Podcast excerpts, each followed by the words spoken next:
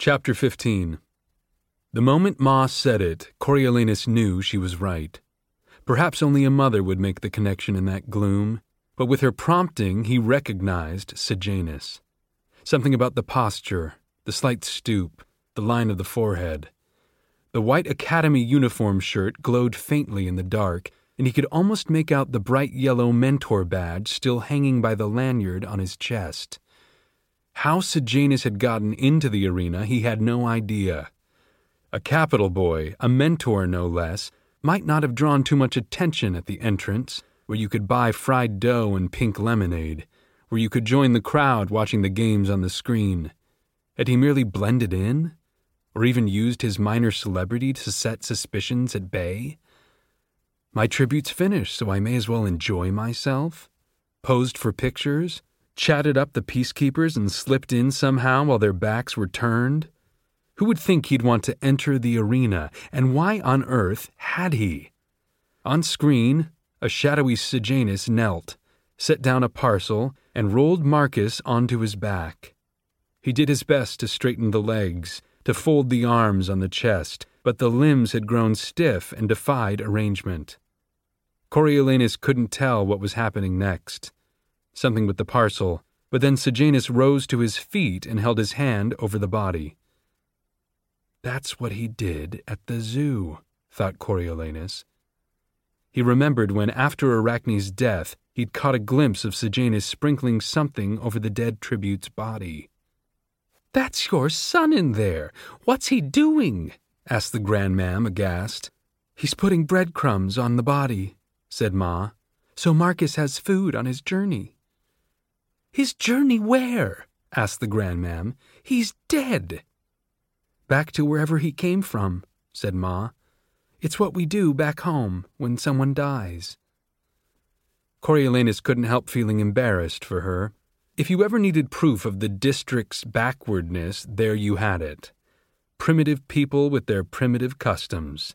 How much bread had they wasted with this nonsense?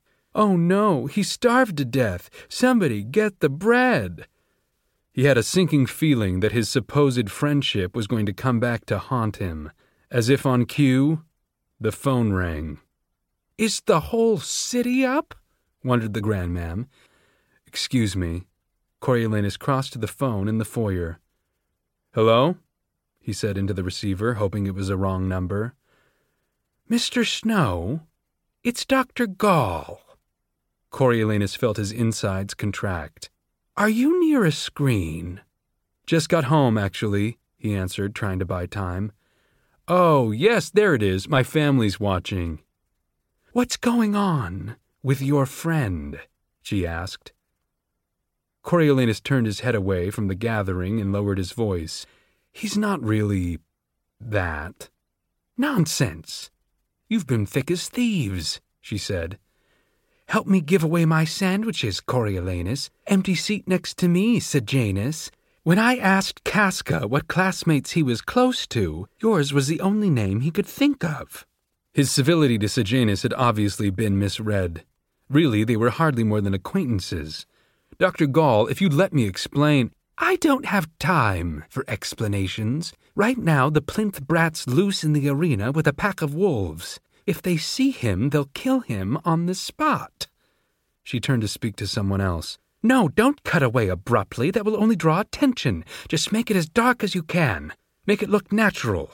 A slow blackout, as if a cloud has drifted over the moon. She was back in the next breath.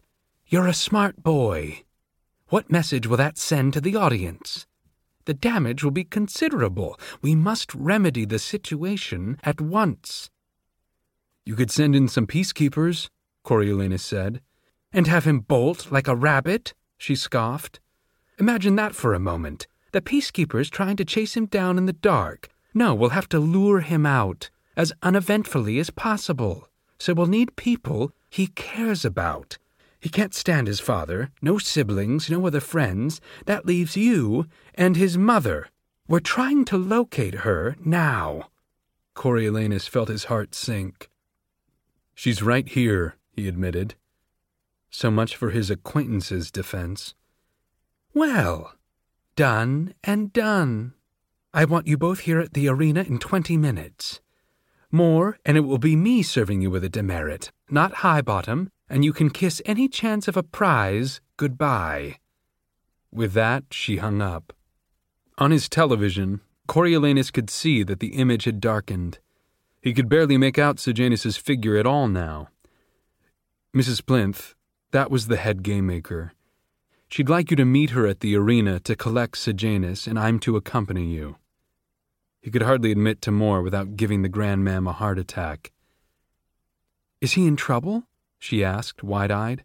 With the Capitol? Coriolanus found it strange that she'd be more worried about the Capitol than an arena full of armed tributes at this point, but maybe she had reason after what had happened to Marcus. Oh no, they're just concerned with his well being.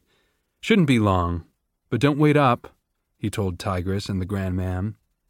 As fast as he could, short of carrying her, he moved Mrs. Plinth out the door, down the elevator, and through the lobby. Her car rolled up soundlessly, and the driver, most likely an Avox, only nodded at his request to be taken to the arena. We're rather in a hurry, Coriolanus told the driver, and the car sped up immediately, gliding through the empty streets. If it was possible to cover the distance in twenty minutes, they would. Mrs. Plinth clutched her handbag and stared out the window at the deserted city. First time I saw the Capitol, it was night like this. Oh, yes? Said Coriolanus, only to be polite. Honestly, who cared? His entire future was on the line because of her wayward son, and one had to question the parenting of a boy who thought breaking into the arena would solve anything.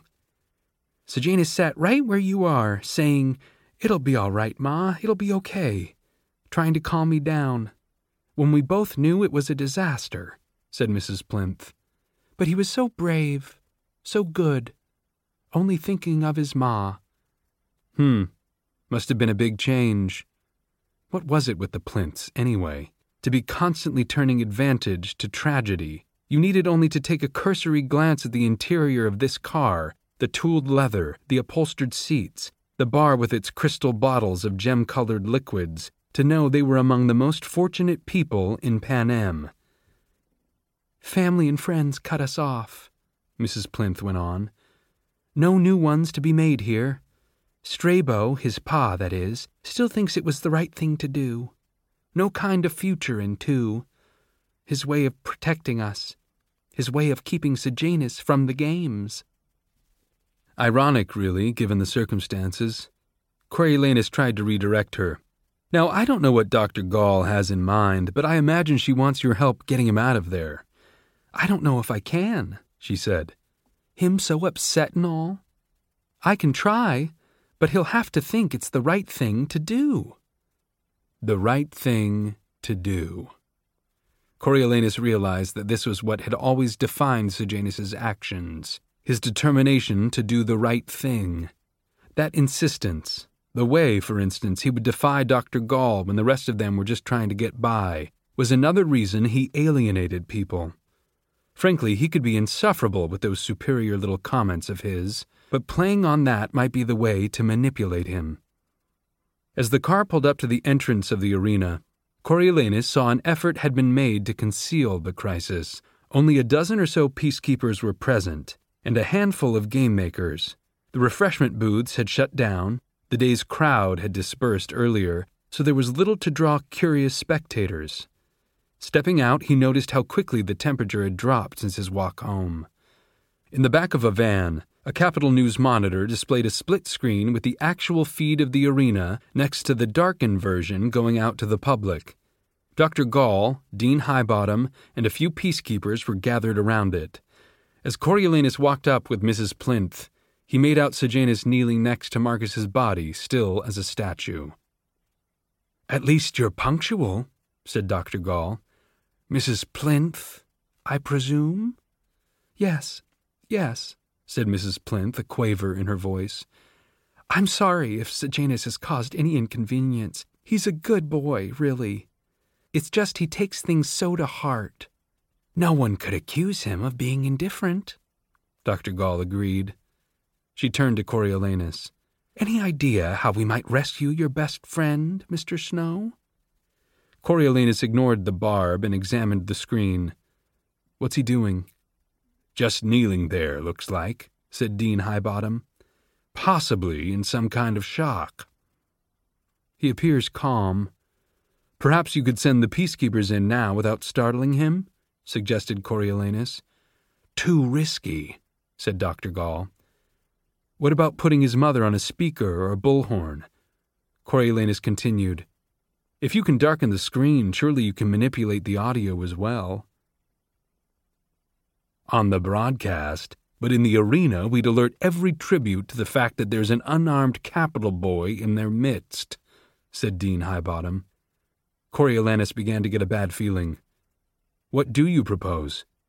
We think someone he knows needs to slip in as unobtrusively as possible and coax him out, said Dr. Gall. Namely, you.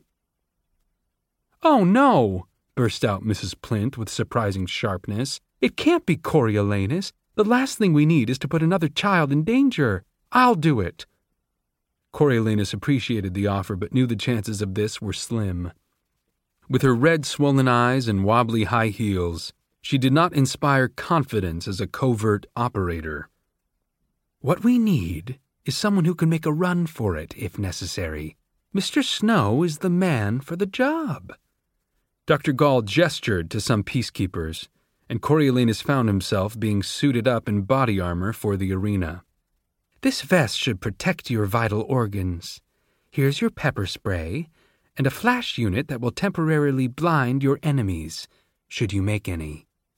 He looked at the small bottle of pepper spray and the flash unit.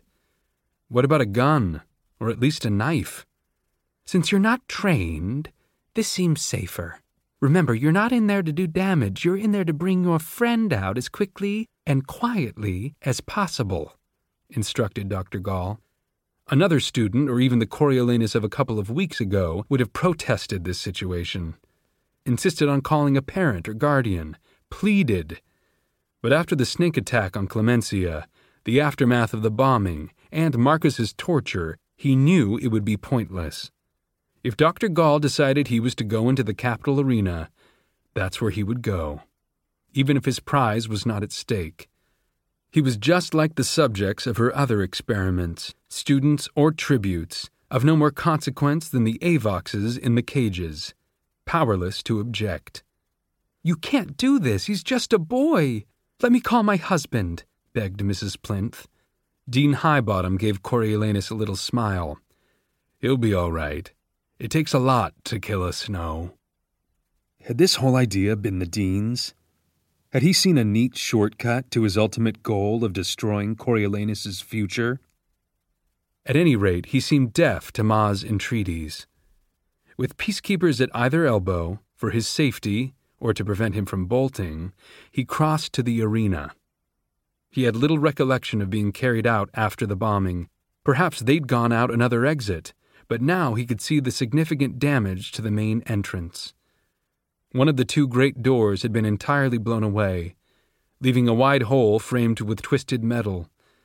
Besides the guard, little had been done to secure this area other than placing a few rows of waist high concrete barriers across the opening. Sejanus wouldn't have had much trouble getting past those if there'd been a decent distraction, and there'd been the bustle of a carnival most of the day. If the peacekeepers had been concerned about rebel activity, they would have been focused on someone targeting the crowd. Still, it seemed a little too relaxed. What if the tributes tried to make a break for it again? Coriolanus and his escort wove their way through the barriers and into the lobby, which had taken multiple hits. The few unbroken electric bulbs around the admission and concession booths showed a layer of plastered dust coating chunks of ceiling and floor, toppled pillars and fallen beams. To reach the turnstiles required navigating the debris, and again he could see how Sejanus might have crossed it undetected, with a little patience and a bit of luck. The turnstiles on the far right side had been targeted, leaving gnarled, melted metal shards and open access. Here, the peacekeepers had built the first real fortification, installing a temporary set of bars encased in barbed wire, and a half dozen armed guards. The undamaged turnstiles were still an effective blockade, as they did not allow re entry. So he had a token? asked Coriolanus. He had a token, confirmed an old peacekeeper who seemed to be in command. Caught us off guard. We're not really looking for people breaking into the arena during the games, only out. He produced a token from his pocket. This one's for you. Coriolanus turned the disc in his fingers but made no move to the turnstiles. How did he think he'd get out? I don't think he did, said the peacekeeper. And how will I get out? asked Coriolanus. This plan seemed dicey at best. There. The peacekeeper pointed to the bars. We can pull back the barbed wire and tilt the bars forward, creating an opening big enough for you to crawl under. You can do that quickly? He said doubtfully. We've got you on camera. We'll start moving the bars when you're successfully bringing him out, the peacekeeper assured him. And if I can't convince him to come? Coriolanus asked. We have no instructions on that, the peacekeeper shrugged. I guess you stay until the mission is accomplished. A cold sweat bathed Coriolanus's body as the words registered. He would not be allowed back out without Sejanus. He looked through the turnstile to the end of the passage, where the barricade had been erected under the scoreboard.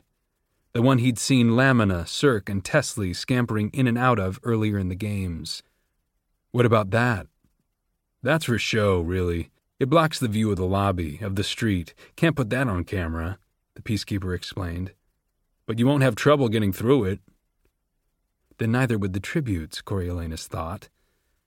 He ran his thumb over the slick surface of the token. We've got you covered up to the barricade, the peacekeeper said. So you'll kill any tribute who attack me, Coriolanus clarified. Scare them off anyway, said the peacekeeper. Don't worry, we've got your back. Excellent, said Coriolanus, not at all convinced. He steeled himself and jammed the token in the slot. Then he pushed the metal arms. Enjoy the show, the turnstile reminded him, sounding ten times louder in the stillness of the night. One of the peacekeepers chuckled. Coriolanus made for the wall on the right and walked forward as swiftly and silently as he could. The red emergency lights, his only illumination, suffused the passageway with a soft, bloody glow. He pressed his lips tightly together, controlling his breathing through his nose. Right, left, right, left. Nothing. No one stirred. Perhaps, as Lucky had suggested, the tributes had all bedded down for the night? He paused for a moment at the barricade, just as the peacekeeper had said it was a sham. Flimsy layers of barbed wire mounted on frames, rickety wooden structures and concrete slabs arranged to block the view, not imprison the tributes. Probably hadn't been enough time for a real one, or perhaps it had been deemed unnecessary with the bars and peacekeepers behind him. As it was, he had only to wind his way through the backdrop to find himself at the edge of the field. He hesitated behind a final stretch of barbed wire, surveying the scene. The moon had risen high in the sky, and in the pale silvery light he could make out the figure of Sejanus, back toward him, still kneeling over Marcus's body. Lamina hadn't stirred. Other than that, the immediate area seemed deserted. Was it, though? The wreckage from the bombings provided ample hiding places, the other tributes could be concealed a few yards away, and he'd never know it. In the chilly air, his sweat soaked shirt felt clammy against his skin, and he wished for his jacket. He thought of Lucy Gray in her sleeveless dress. Had she curled up against Jessup for warmth? The image didn't sit well with him, so he pushed it away. He could not think of her now, only of the present danger, and Sejanus, and how to get him to the other side of that turnstile. Coriolanus took a deep breath and stepped out onto the field. He padded across the dirt, channeling the circus wildcats he had seen here as a boy. Fearless and powerful and silent. He knew he must not spook Sejanus, but he needed to get close enough to converse. When he was ten feet behind him, he stopped and spoke in a hushed voice. Sejanus? It's me. Sejanus stiffened. Then his shoulders began to shake. At first, Coriolanus took it for sobbing, but it was quite the opposite. You really can't stop rescuing me, can you? Coriolanus joined in the laughter under his breath. Can't do it. They sent you in to fish me out? What madness! Sejanus's laughter trailed off and he rose to his feet. Did you ever see a dead body? A lot.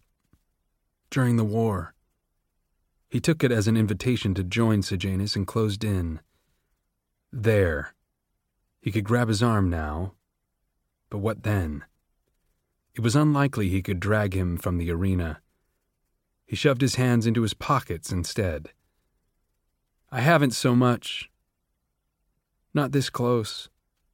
At funerals, I guess, and at the zoo the other night, only those girls hadn't been dead long enough to stiffen up, Sejanus said. I don't know if I'd rather be burned or buried. Not that it matters, really. Well, you don't have to decide now. Coriolanus's eyes swept the field. Was that a person in the shadows behind the broken wall? Oh, it won't be up to me, said Sejanus. I don't know what's taking the tribute so long to find me. I must have been in here a while. He looked at Coriolanus for the first time, and his brow wrinkled in concern. You should go, you know? I'd like to, Coriolanus said carefully. I really would. Only there's the matter of your ma. She's waiting out front. Pretty upset. I promised I'd bring you to her. Sejanus's expression turned indescribably sad. Poor Ma. Poor old Ma. She never wanted any of this, you know, not the money, not the move, not the fancy clothes or the driver. She just wanted to stay in too, but my father. But he isn't here, is he? No. He'll keep his distance until this is settled. Then let the buying begin. Buying what? The breeze ruffled Coriolanus's hair and made hollow, echoing sounds in the arena. This was taking too long, and Sejanus was making no effort to speak softly. Buying everything. He bought our way here, bought my schooling, bought my mentorship, and he goes nuts because he can't buy me, said Sejanus. He'll buy you if you let him, or at least compensate you for trying to help me. Buy away, thought Coriolanus, thinking of next year's tuition. He only said, you're my friend. He doesn't need to pay me to help you. Sejanus laid a hand on his shoulder. You're the only reason I've lasted this long, Coriolanus. I need to stop causing you trouble. I didn't realize how bad this was for you. I should have traded tributes when you asked, he answered. Sejanus sighed. It doesn't matter anymore. Nothing does, really. Of course it matters, Coriolanus insisted. They were coming now, he could feel it. The sense of a pack closing in on him. Come out with me. No. There's no point, said Sejanus. There's nothing left to do but die. Coriolanus pressed him. That's it? That's your only choice? It's the only way I might possibly make a statement. Let the world see me die in protest, Sejanus concluded. Even if I'm not truly Capitol, I'm not district either like Lucy Gray, but without the talent. Do you really think they'll show this? They'll quietly remove your body and say you died of the flu. Coriolanus stopped, wondering if he'd said too much, if it pointed too directly at Clemencia's fate. But it wasn't as if Dr. Gall and Dean Highbottom could hear him. They've all but blacked out the screen now. Sejanus's face clouded over. They won't show it? Not in a million years. You'll be dead for nothing, and you'll have wasted your chance to make things better. A cough, small and muffled, but definitely a cough, coming from the stands to his right. Coriolanus had not imagined it. What chance? asked Sejanus. You have money. Maybe not now, but one day you'll have a fortune. Money has a lot of uses. Look how it changed your world. Maybe you could make changes too, good ones. Maybe if you don't, a lot more people will suffer. Coriolanus's right hand tightened around his pepper spray, then flitted to his flash unit. Which would actually help if he was attacked? What makes you think I could do that? said Sejanus. You're the only one who had the guts to stand up to Dr. Gall, said Coriolanus. He hated giving that to him, but it was true. He was the sole member of the class who defied her. Thank you. Sejanus sounded tired, but a bit saner. Thank you for that. Coriolanus put his free hand on Sejanus's arm, as if comforting him, but really trying to grip his shirt if he decided to run. We're being surrounded. I'm going. Come with me. He could see Sejanus starting to cave. Please, what do you want to do? Fight the tributes or fight for them? Don't give Dr. Gall the satisfaction of beating you. Don't give up. Sejanus stared down at Marcus for a long moment, weighing his options. You're right, he said finally. If I believe what I say, it's my responsibility to take her down, to end this whole atrocity somehow. He lifted his head, as if suddenly realizing their situation. His eyes turned toward the stands where Coriolanus had heard the cough. But I won't leave Marcus. Coriolanus made a snap judgment. I'll get his feet. The legs were stiff and heavy, reeking of blood and filth, but he crooked the knees in his arms as best he could and hoisted Marcus's lower half. Sejanus encircled his chest with his arms, and they began to move, half carrying, half dragging the body toward the barricade. Ten yards. Five yards. Not far now. Once they'd cleared it, the peacekeepers should provide some cover. He tripped on a rock and went down, driving his knee into something sharp and piercing, but sprang back up, heaving Marcus's body with him. Almost there. Almost. The footsteps came from behind him quick and light, speeding from the barricade where the tribute had lain in wait. Coriolanus reflexively dropped Marcus and spun around just in time to see Bobbin bring down his knife.